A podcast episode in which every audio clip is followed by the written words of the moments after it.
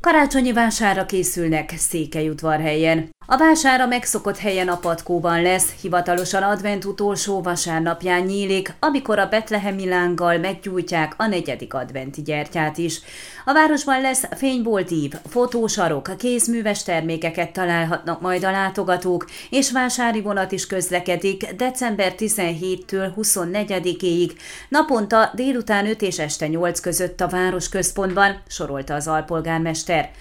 Simon Mária tímeja a művelődési ház igazgatója elmondta, 20-án a frissen felújított református templomban este 6 órától lép fel Kubinyi Júlia népdalénekes, kedden a Székelyföldi Filharmónia ad karácsonyi koncertet a Szent István teremben.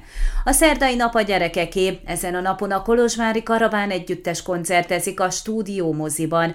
Idén is eljön a Hargita megyei mentőszolgálat Mikulása, a Patkóban, illetve a stúdió moziban is várja a gyerekek gyerekeket szerdán. Csütörtökön két előadást is tart a Puk Báb Színház. Aznap lesz a szabadtéri klasszikus zenei koncert. Kristóf Béla hegedű művész karácsonyi összeállítással lép fel a patkóban.